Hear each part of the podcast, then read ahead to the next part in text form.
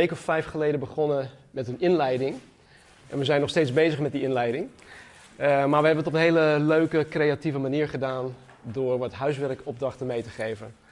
En uh, vandaag um, sluiten we dat gedeelte af. Vanaf aanstaande zondag gaan wij beginnen met hoofdstuk 1, vers 1 en dan gaan we er gewoon doorheen. En ik denk dat dat gedeelte misschien een week of vijf gaat duren, zondagen, vijf zondagen. Uh, ik denk dat we ergens medio mei of zo er klaar mee zijn. En dan gaan we verder met uh, het onderwerp het maken van discipelen, de grote opdracht. En dat gaat dan door tot eind van de zomer of zoiets. Anyway, um, afgelopen zondag, nee niet afgelopen zondag, was Pasen, de week daarvoor, um, gingen we door die eerste vijf zekerheden heen. En ik had jullie gevraagd, joh, wat is nummer 1, wat is nummer 2? En iemand had aangegeven dat um, hoofdstuk 3, vers 3 of 2, 2 ook eentje was. Uh, er staat namelijk, maar wij weten dat als hij, dus Jezus, geopenbaard zal worden, wij hem gelijk zullen zijn, want wij zullen hem zien zoals hij is. Nou, de, de bedoeling van deze zekerheden is uh, om te kijken naar wat wij vandaag de dag hier op aarde al kunnen doen, waardoor wij zeker kunnen zijn dat wij echte christenen zijn. Dus um, dit, heeft, dit stukje wat ik net voorlas, heeft dus te maken met de, de, de, de opname van de gemeente. Ja, en dan is het voor degene die dat niet zeker weten, dan is het eigenlijk al te laat. Maar voor ons is het dus belangrijk dat wij nu alvast weten, of waaraan wij kunnen weten, dat wij christenen zijn. Wat zijn die zekerheden dat God ons wil geven? Dus we gaan het vandaag uh, weer hebben over de zekerheden van de echte christen. In uh, deel 1 van deze studie hebben we gekeken naar de eerste vijf van de negen. En vandaag gaan we kijken naar de laatste vier. Dus um, het wordt een korte studie uh, voor mijn doen. Um, kijk, als ik het nu heb over de zekerheden die de echte christen kan hebben, dan zal niet iedereen het met mij eens zijn. Misschien niet hier per se, maar vooral buiten deze deuren. Um, want de meerderheid, de meerderheid gelooft niet dat zekerheid überhaupt bestaat. De meerderheid gelooft niet dat zekerheid iets is wat, wat realiteit kan zijn. Benjamin Franklin, grondlegger van de VS, ergens in de 18e eeuw, zei dit. Op de wereld is niets zeker behalve de dood en belastingen. Nou, een van jullie eigen of onze eigen schrijvers uh, zei ook in de 19e eeuw, Multatuli zei dit, niets is zeker en zelfs dat niet. niets is zeker en zelfs dat niet. Nou, dat, dat geeft gewoon aan dat het niet zeker is. Er is geen zekerheid. Deze twee wereldlingen kenden de God van de Bijbel niet. En omdat zij de God van de Bijbel niet kenden, kenden zij geen zekerheid. En vandaag de dag is dat gewoon niet anders. Ook nu, en ik denk vooral nu, is zekerheid ver te zoeken. Vooral als je het journaal volgt of de sociale media volgt, dan zou je tot dezelfde conclusie kunnen komen als van deze twee mannen: dat er geen zekerheid mogelijk is. En weet je, het is, het is enerzijds diep triest dat het wereldsysteem geen zekerheid kan bieden. Denk, denk er maar even over na. Kan Den Haag onzekerheid bieden? De Sociale Verzekeringsbank? AOW, eh, noem maar op. Uh, het wereldsysteem kan ons geen echte zekerheid bieden. En dat is triest. En ik vind het triest, maar anderzijds is, denk ik dat het juist nodig is dat het wereldsysteem ons geen zekerheid kan bieden, om het contrast, het contrast duidelijk te kunnen zien tussen wat de wereld je kan bieden versus wat de levende God van de Bijbel te bieden heeft. En het is een gigantisch groot contrast. Het maakt ook het contrast duidelijk tussen wat alle andere godsdiensten je kan bieden versus wat de levende God van de Bijbel te bieden heeft. Nou, ondanks dat de niet-gelovige wereld om ons heen geen zekerheid heeft of geen zekerheid kan bieden, kunnen wij, wij die dus wedergeboren zijn, wel degelijk zekerheid hebben. En God wil juist dat wij zekerheid hebben. God wil dat wij elke ochtend opstaan met zekerheid in ons hart.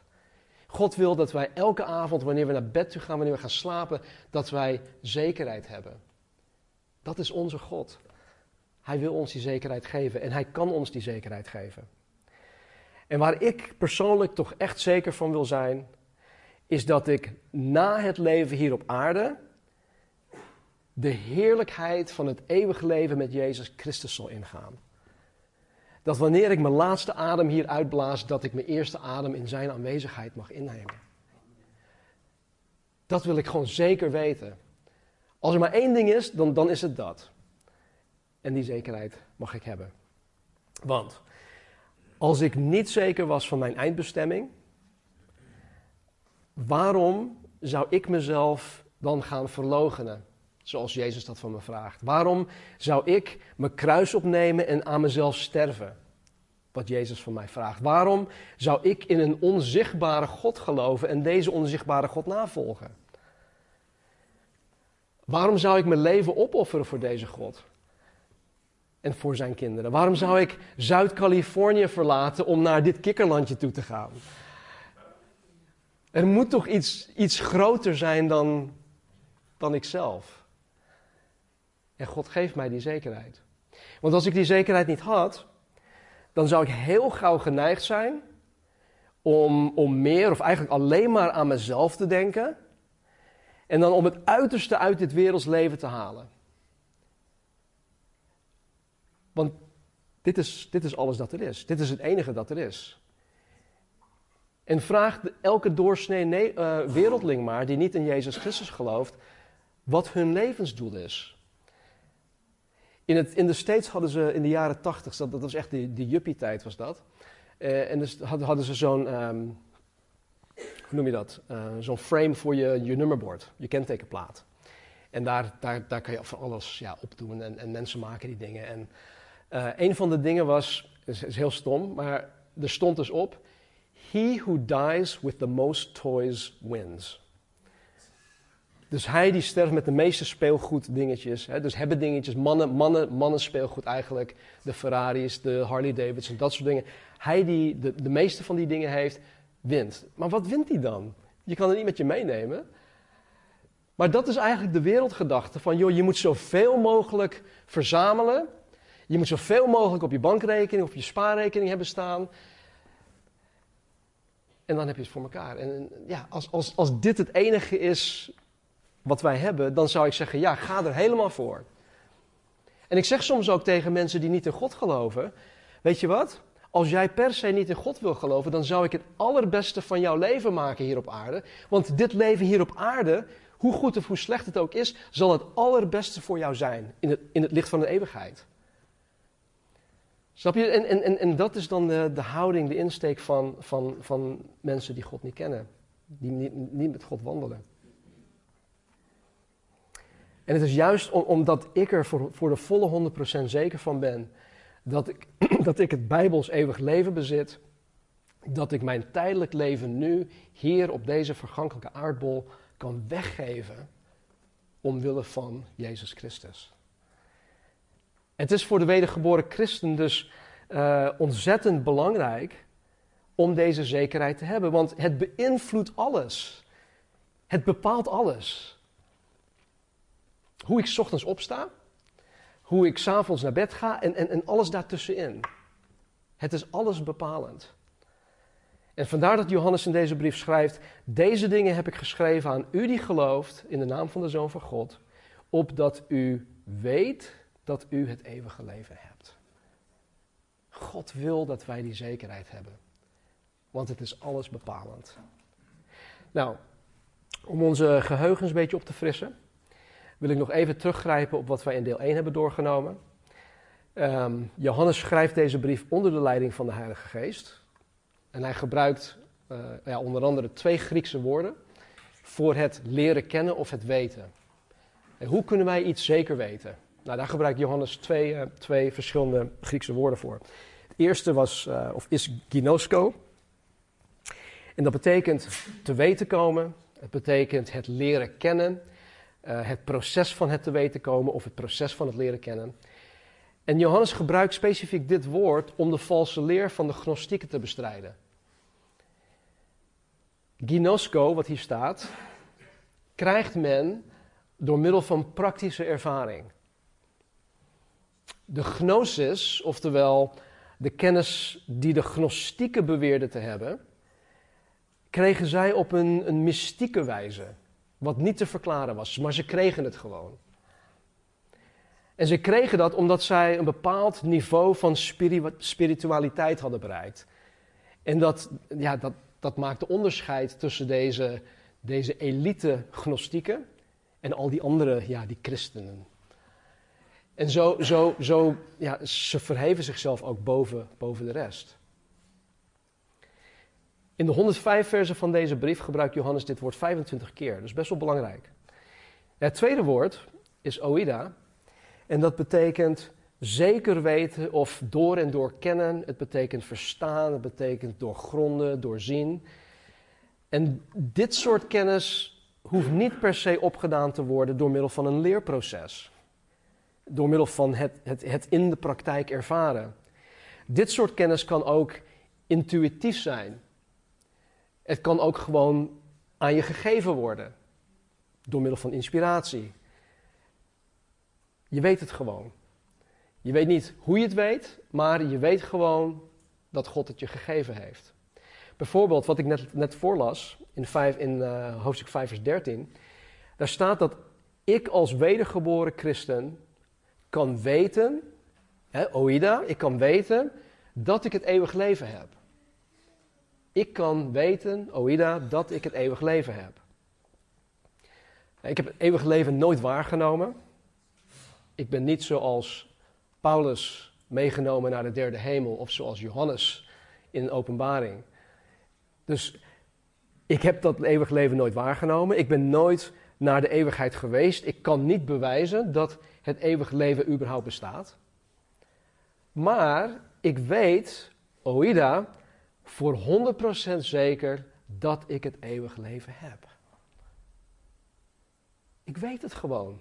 En niemand kan mij van, van die wetenschap, van die zekerheid afbrengen. Niemand.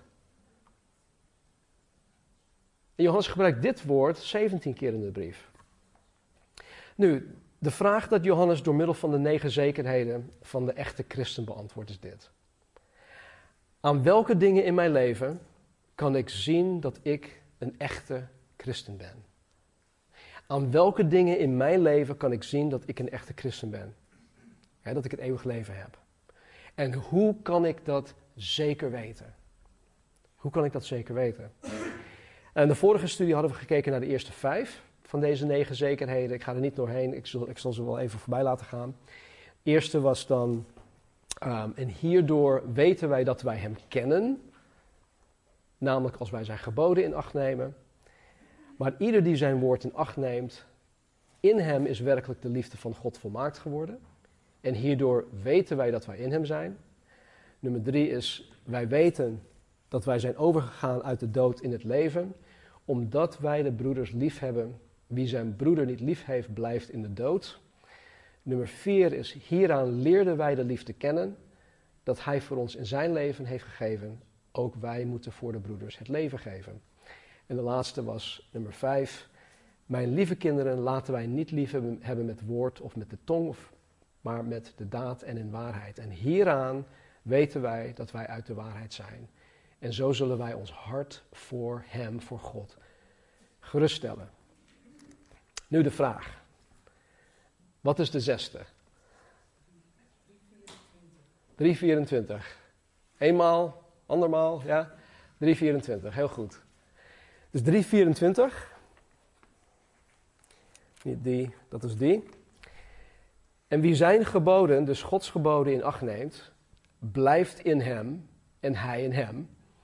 En hieraan weten wij dat hij in ons blijft, namelijk aan de geest die hij ons gegeven heeft. En dit is de gnosco-kennis. Het is door ervaring dat we dat kunnen, uh, te weten kunnen komen. Nou, in dit vers heeft Johannes het wederom over die, die gemeenschap met God. De gemeenschap die de christen met God kan hebben en de gemeenschap die God met de christen kan hebben.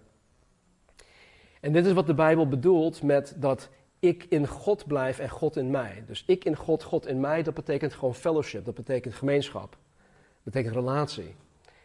En het gaat hier dus om die, die innige relatie die God en ik met elkaar hebben. Die God en, en jullie met elkaar hebben of kunnen hebben. En Johannes zegt hier dat wanneer ik Gods geboden gehoorzaam, dan ben ik per definitie in Hem. Ja, wanneer ik God gehoorzaam, wanneer ik zijn geboden gehoorzaam, dan ben ik per definitie in Hem. Dat wil zeggen dat ik gemeenschap met God heb. Nou, als je niet weet hoe jij vanuit jouw kant gemeenschap met God moet initiëren, als je niet weet hoe dat in zijn werk gaat, dan heb ik heel goed nieuws voor jou. Heel goed nieuws. Je hoeft alleen maar Gods geboden in acht te nemen. Het is echt zo simpel. Zo simpel ligt dat. Er is een zogenaamd adder, addertje onder het gras. En het zogenaamd addertje, adder, addertje onder het gras hierin is dit.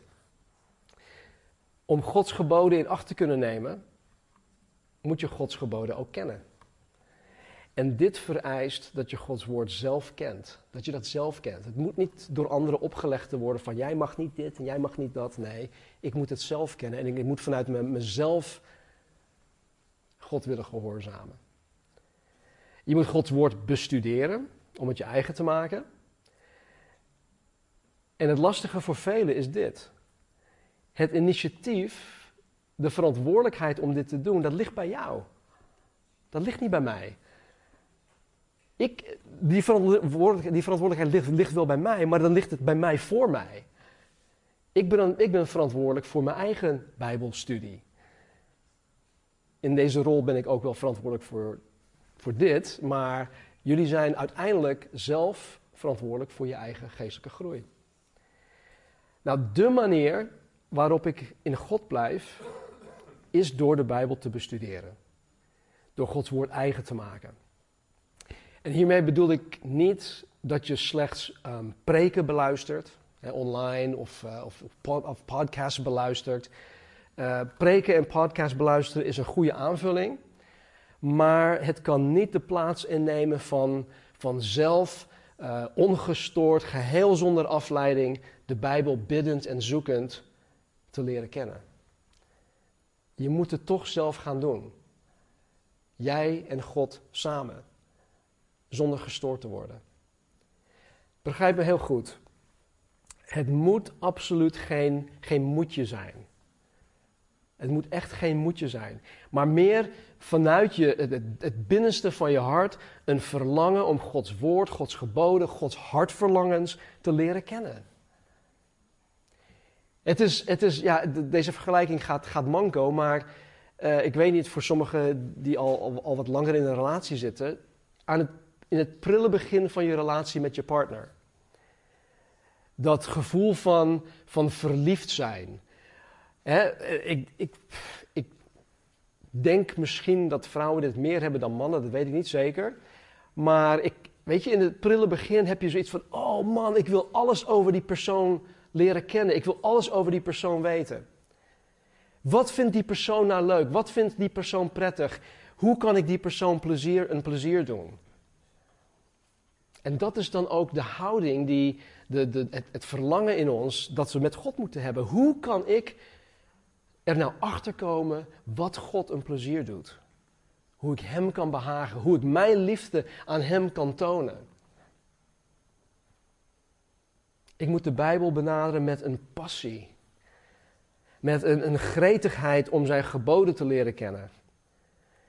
Om van God te zien wat Hij van mij verlangt zodat ik mijn leven kan inrichten en leiden op een manier dat, dat God blij maakt.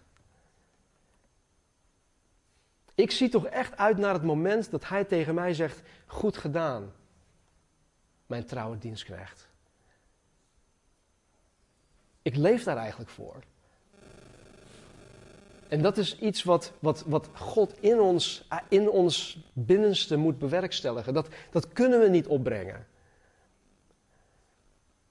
Dat kan misschien voor een poosje kan dat wel goed gaan. Maar uiteindelijk zal dat ook weer verzwakken, verslappen en dan haakt men af. En zo toon ik trouwens ook mijn liefde voor God. En niet voor niets moedigt Paulus ons in de Colossensebrief aan om het woord van Christus, de Bijbel, rijkelijk in ons te laten wonen.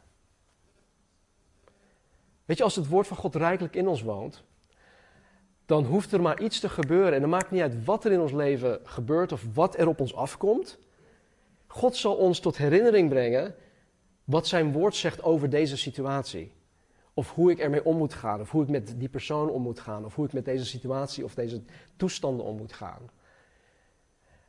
Dus het is goed dat het woord van God rijkelijk in ons woont, want dan kunnen we het zo heel snel hier brengen en hier brengen. En dat we daar iets mee kunnen. Dus door Gods woord te kennen en te gehoorzamen bewijs je dat je in Hem bent. Dat je een innige en persoonlijke relatie met God onderhoudt. Een tweede bewijs in dit vers, waaraan we kunnen zien dat Jezus in ons blijft, dus niet wij in Hem, maar nu is het Jezus in ons of God in ons, is doordat Hij ons de Heilige Geest gegeven heeft.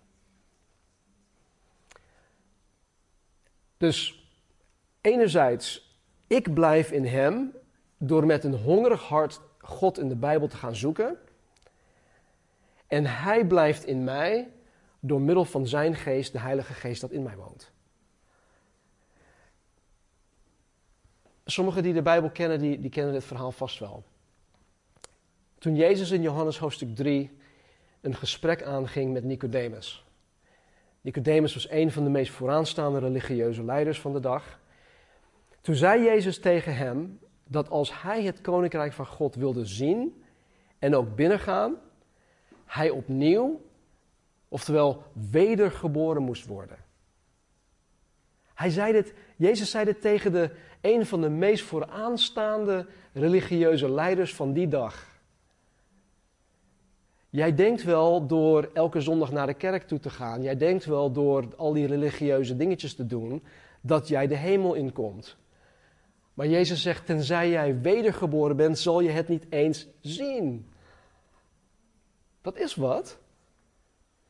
Want ik denk dat de algemene indruk dat de mensen van Nicodemus hadden, was dat als er iemand was die zeker naar de hemel zou gaan, dan was het Nicodemus wel. Zo'n reputatie had hij. En zo dachten de mensen ook over hem. Maar tegen deze oprechte, vrome, integere, godsdienstige man zei Jezus dat hij niet de hemel in zou komen. Sterker nog, dat hij de hemel niet eens zou kunnen zien, tenzij hij wedergeboren zou worden. Jezus legt aan Nicodemus uit dat ieder mens met een lichaam van vlees en bloed uit een lichaam van vlees en bloed voortgekomen is. Jullie zijn daar allemaal het bewijs van. Ik ook. Maar hij zegt ook tegen, tegen Nicodemus: dat is niet genoeg om in de hemel te kunnen komen. Zelfs met al jouw religieuze dingen. Om in de hemel te kunnen komen, moet een mens van vlees en bloed ook uit de geest van God geboren worden. Oftewel, wedergeboren worden door de Heilige Geest. Dat zegt Jezus zelf. En deze wedergeboorte, dat gebeurt op het moment dat iemand zich bekeert, dus bekeert, omdraait van zijn haar of oude leven tot de levende God van de Bijbel. Het is als het ware gewoon 180 graden omdraaien, je oude leven achter je laten en je nieuw leven met God in die richting gaan. En dat doe je door te geloven dat Jezus voor jouw zonde gestorven is aan het kruis en dat Hij op de derde dag is opgestaan uit de dood. Dus vanaf het moment van wedergeboorte is de Heilige Geest in mij. De Heilige Geest wordt trouwens op uh, drie of vier verschillende plekken in het Nieuw Testament ook de, de geest van Jezus genoemd, of de geest van Jezus Christus genoemd. De apostel Paulus geeft op verschillende plaatsen aan in uh, zijn brieven dat ons lichaam, mijn lichaam, de tempel van God is. In het Oude Testament was het of in de tabernakel of in de tempel, in het heilige, de heilige der heiligen, de meest heilige plaats in de tempel, daar kwam God, daar kwam God tevoorschijn. Al, daar en daar alleen. Maar nu in Christus, in het Nieuw Testament, zegt Paulus: nee, nu is jouw lichaam, mijn lichaam, de tempel van God. En dat de Heilige Geest nu in mij woont. Misschien klinkt dat heel eng. Hè, hoe kan dat nou? De Heilige Geest woont in mij? Dat, dat lijkt me gewoon hartstikke eng. Maar dat, zegt, dat leert de Bijbel ons dus wel. En die inwoning van de Heilige Geest, dat heeft radicale gevolgen voor de mens. Heeft echt radicale gevolgen. Vooral voor het wel of niet kunnen gehoorzamen van Gods woord. Een van de gevolgen van de inwoning van de geest in mij is dat ik ineens in staat word gesteld om Gods woord, Gods geboden, Gods instructies, Gods waarschuwing in acht te kunnen nemen. Alleen door de inwoning van de geest maakt God dat mij mogelijk. In uh, Ezekiel 36, 27 zegt God door de profeet heen tegen Juda, en dit was toen zij in, in Babylonië waren, in, in ballingschap.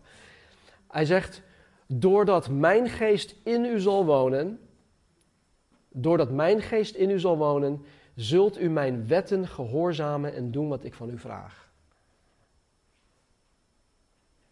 Hoor je dat? Dus doordat Gods geest in jou zal wonen, zal je Gods wetten gehoorzamen en doen wat God van je vraagt.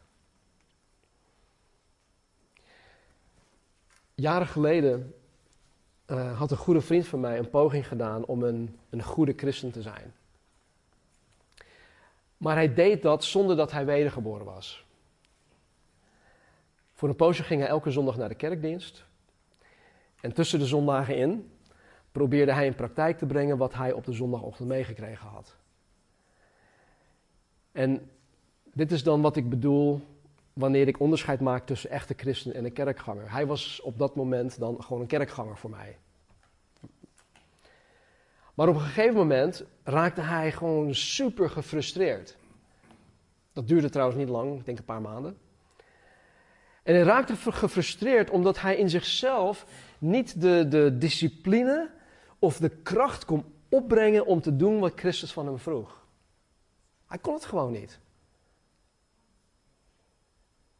Denk er even over na. Wie van ons is in staat om iemand van harte te kunnen vergeven die ons gewoon heel veel pijn heeft gedaan en misschien zelfs bewust pijn heeft gedaan? Wie van ons kan in vanuit zichzelf opbrengen om een vijand lief te hebben. En zelfs niet alleen hier of, of te denken door te zeggen, maar echt in daden de onvoorwaardelijke liefde van, God aan die persoon te kunnen tonen. Echte liefde. Het is niet, niet schijn, maar echt. Hij raakte gefrustreerd. En dit is trouwens het probleem met religie. Religie vereist heel veel van de mens, maar het stelt de mens niet in staat om het vereiste uit te kunnen voeren. Nou, binnen no time haakte deze vriend af. En hij zei tegen mij dat hij zijn uiterste best had gedaan om een, een goede christen te zijn. Maar dat het hem gewoon niet lukte. Hij werd er op een gegeven moment van overtuigd dat het niet voor hem was weggelegd. Hij stopte ermee. Tot op de dag van vandaag. Nou, wat deze vriend van mij in, in de praktijk had bewezen, was dat wij op onszelf dus niet in staat zijn om de God van de Bijbel te kunnen gehoorzamen en te behagen, zonder dat de Heilige Geest dat werk in ons doet. Het is echt Gods werk in ons. De Heilige Geest in mij is, is ja, het is alweer weer zo'n voorbeeld, die gaat ook manco. Maar sommigen van jullie kunnen het misschien wel waarderen. De Heilige Geest in mij is als het ware mijn interne besturingssysteem. En zonder een goed werkend besturingssysteem, zoals iOS, nee, uh, kan, kan jouw smartphone of jouw device de apps niet draaien.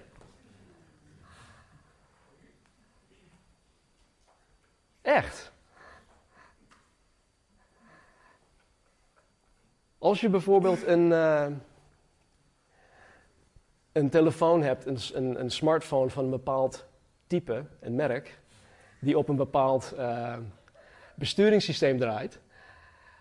Als die nu vijf jaar oud is, dan kan je het vergeten. Dan draait hij bepaalde apps gewoon niet. En kijk, zonder de Heilige Geest in mij kan ik de geboden van God niet naar behoren uitvoeren. Althans niet op de manier dat God dat wil.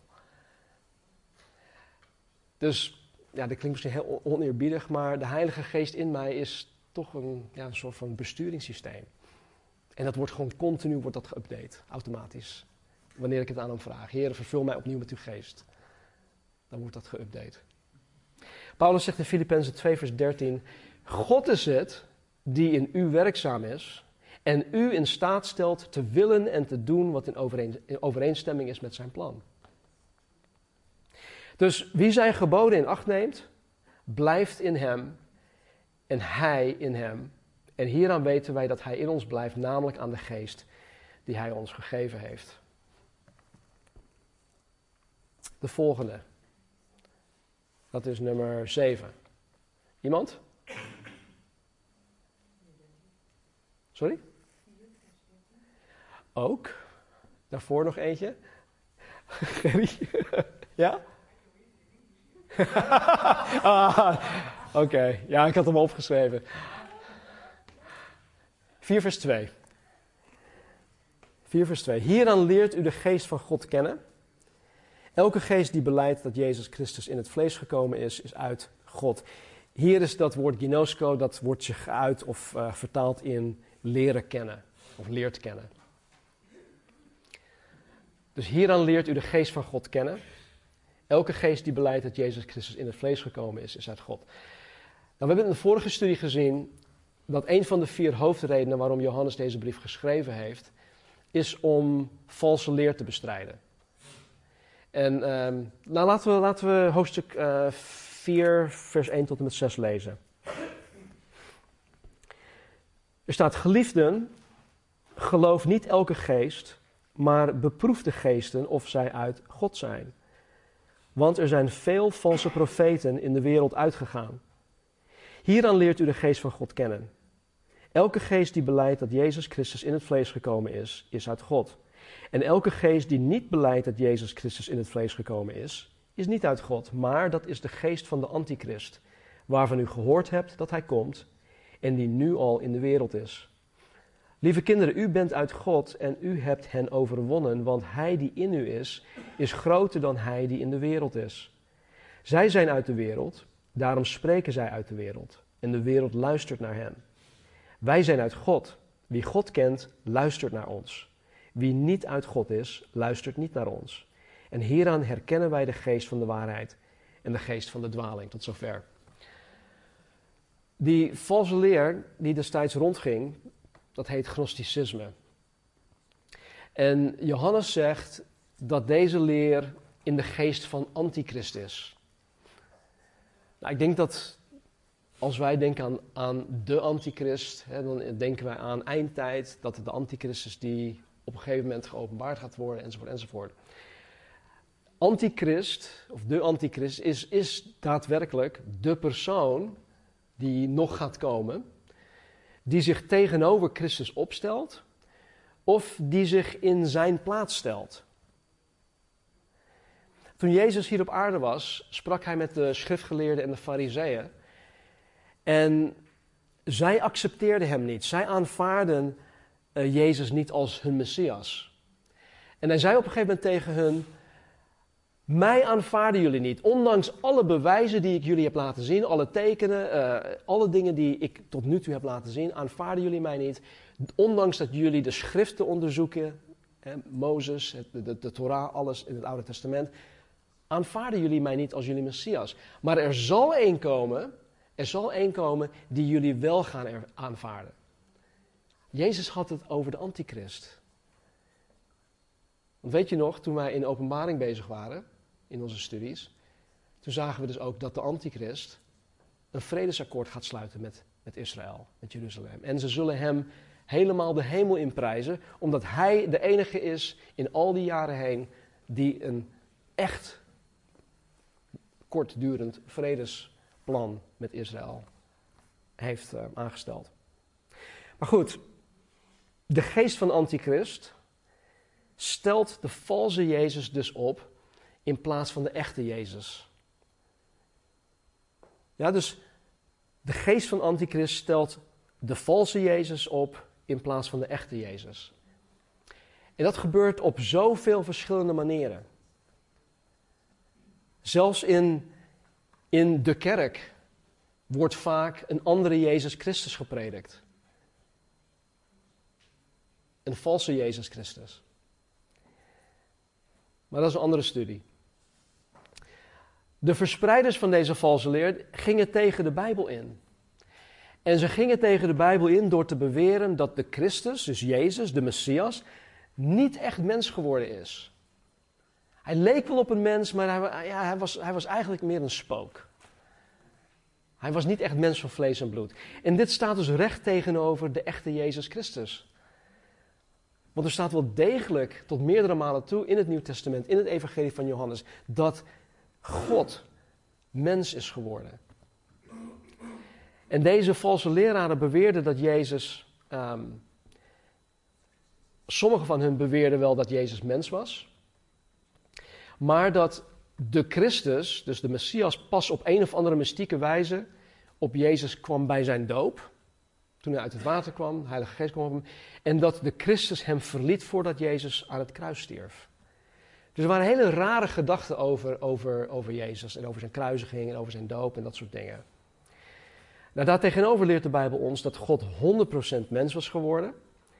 En dat het wel degelijk God was die aan het kruis stierf. Wij, Calvary Chapel, wij geloven dat Jezus vanaf het begin van zijn leven op aarde tot op heden de Christus is. En dat de Christus, oftewel de Messias, voor de volle 100% mens was. Hoe kunnen we dat um, uh, snappen of, of uitleggen? Niet. Dat is niet uit te leggen. Maar dat, dat, dat aanvaard je, dat accepteer je door geloof. Maar goed, in dit vers schrijft Johannes dat wij de echte geest van God en het werk van de geest van God kunnen onderscheiden door simpelweg te toetsen of men beweert dat de Christus mens geworden is of niet. Johannes schrijft, elke geest die beleidt dat Jezus Christus in het vlees gekomen is, is uit God. Dus dat Jezus Christus mens geworden is, die is uit God. En de Bijbel gebruikt het woord geest vaak in deze context om simpelweg de, de, de denkwijze of de gezindheid van de mens te beschrijven. En zoals in dit geval. Dus voor de christenen in die tijd, wanneer iemand beweerde dat Jezus de Christus, dus echt mens is geworden, en dat het inderdaad God was die aan het kruis hing, die aan het kruis stierf, dan kon mens er zeker van zijn dat de leer dat men verkondigde zuiver was. Het, hele makkelijke toets. Het was destijds veel duidelijker dan dat het nu is, om dat onderscheid te kunnen maken. En zo'n iemand sprak dus dan ook in de kracht van de Heilige Geest. Zo kon men de geest van God onderscheiden van de geest van de Antichrist. Vandaag de dag is de geest van de Antichrist keihard bezig om mensen van de echte Jezus Christus af te houden. En nogmaals, dat gebeurt nu ook gewoon in de kerk zoals dat destijds ook in de kerk gebeurde. Daarom is het zo ontzettend belangrijk om de echte Jezus te kennen, om de Bijbel te leren kennen. Om wedergeboren te zijn, zodat wij dat onderscheid kunnen maken. Volgende. De laatste twee die gaan vrij snel. Um, Anita zei het al. 4 vers 13, ja. Hier dan weten wij dat wij in hem blijven en hij in ons, doordat hij ons van zijn geest gegeven heeft. Johannes benadrukt nogmaals de relatie dat de echte christen met God heeft en zegt dat men van deze relatie zeker kan zijn doordat, de doordat God hen de Heilige Geest eh, gegeven heeft. Um, Paulus zegt ook in een van zijn brieven, ik kan het nu even niet voor de geest halen, voor de geest, um, dat wij door de geest dus kunnen zeggen dat Jezus onze Heer is. En door de geest roepen wij Abba, Vader. En wij, wij, wij noemen God Papa als het ware. Zo intiem en zo, zo, zo close is die relatie die wij met God kunnen hebben. Nogmaals, een, een persoonlijke relatie oftewel die gemeenschap met God, is dus alleen mogelijk door de wedergeboorte. Waardoor de Heilige Geest in ons komt wonen. Ik heb het al vaker gezegd dat, dat wij die wedergeboren zijn, die, wij zijn bezeten. En we zijn bezet, maar dan door, op een hele positieve manier door de Heilige Geest van God. De laatste, nummer 9. Wat zei je? 5-2, ja. 5-2. Hieraan weten wij dat wij de kinderen van God liefhebben. Wanneer wij God liefhebben en zijn geboden bewaren. Weet je, soms kunnen we nog twijfelen of wij het wel goed doen of niet. Toch? Hebben jullie dat wel eens? Ik heb dat, ik heb dat nog, ja, niet zeg altijd, maar ik heb het nog, nog wel eens. Dat, joh, dat ik gewoon twijfel, joh, doe ik het wel goed of niet? Zit ik wel op het goede spoor? Ben ik u wel gehoorzaam? De eerste christenen die hadden hier ook mee te maken.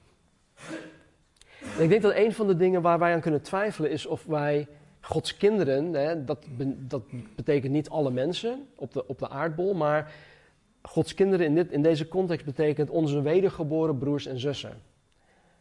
En ik denk dat wij kunnen twijfelen of wij onze wedergeboren broers en zussen in Christus wel lief hebben zoals God dat van ons vraagt. Nou, Johannes geeft ons een, een eenvoudige manier om dat te toetsen. En hij geeft ons dat zodat wij zeker kunnen weten of wij het wel goed doen of niet. Zo makkelijk, zo gaaf. Wanneer wij God echt lief hebben met heel ons hart, ziel, kracht en verstand, dan is het geen moedje om Gods woord te gehoorzamen. Dan wil je dat gewoon. Dan, is het niet, dan heb je niet zoiets van, oh man, ik moet die Bijbel weer lezen. Stan had het vanmorgen alweer gezegd. En krijg die appjes en die, en die, die mailtjes van Casper elke week om de Bijbel te, maar, te lezen. En om op de woensdag te komen en te bidden. En, oh man. Nee, dan is het zo van, oh heer, ik, ik kan niet wachten totdat ik die Bijbel in mag duiken. Even, even stil, iedereen even weg. Al is het een kwartiertje van je tijd. Nee, dan wil je Gods woord gaan lezen, dan wil je het gehoorzamen, dan wil je het zo graag, je wil God plezieren.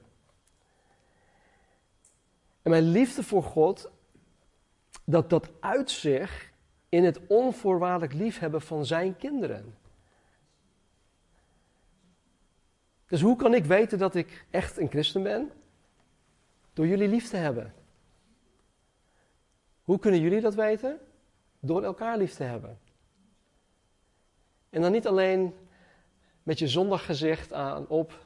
Hoi, ik heb, ik heb je lief. Hoe gaat het met je? Oh ja, het gaat goed. Hartstikke goed.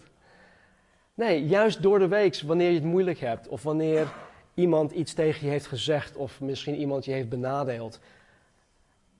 Dan wordt de liefde echt beproefd. En dan wordt het ook menens. En daaraan kunnen we zien dat wij God ook echt lief hebben. Dus mijn liefde voor God, dat, dat uitzicht in het onvoorwaardelijk liefhebben van zijn kinderen. En het uitzicht in het bewaren van zijn geboden. Oftewel, in het doen van wat er in de Bijbel staat. En natuurlijk, natuurlijk zullen wij dit nooit in volkomenheid of volmaaktheid doen. We zullen elke dag opnieuw vallen en opstaan. We zullen elke dag stekers laten vallen. We zullen elke dag tekortschieten.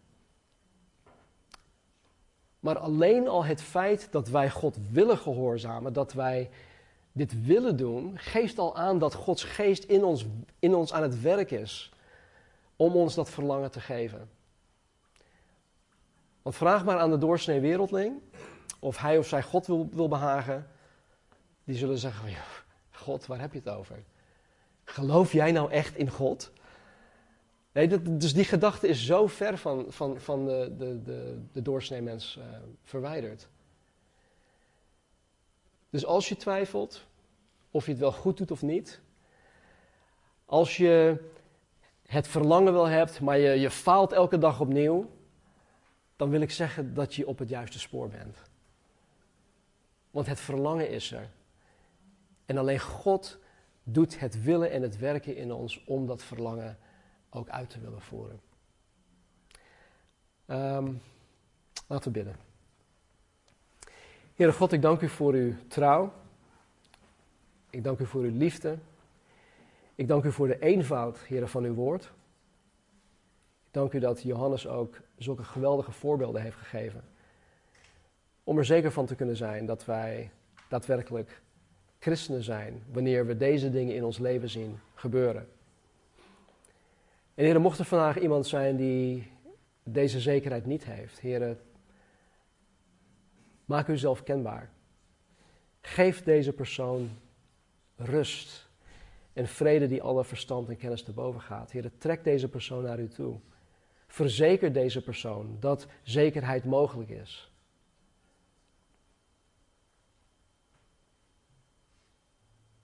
Heer, u bent zo geduldig met ons. U bent zo liefdevol en zo genadig, elke dag opnieuw.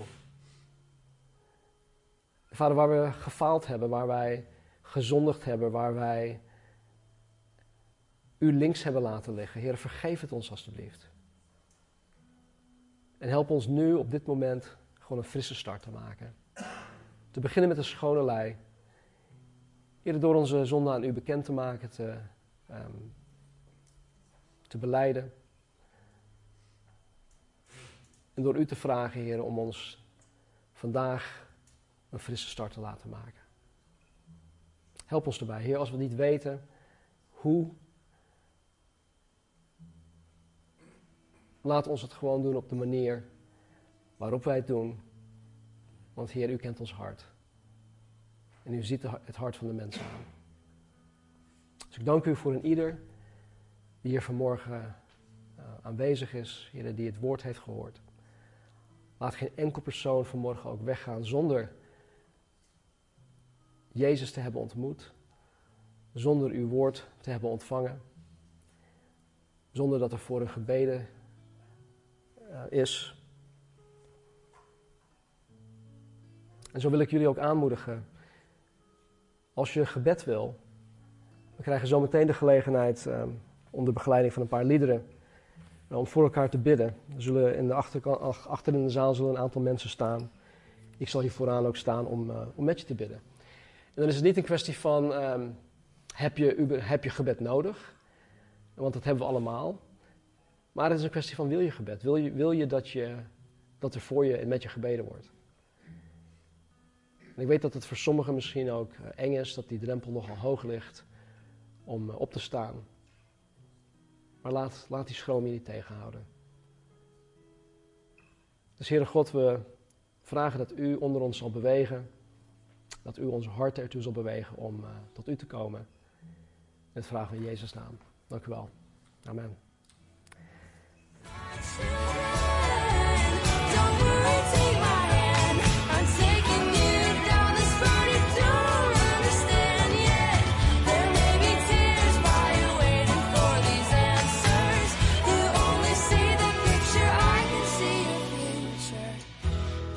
Tell you right now, it's gonna be alright.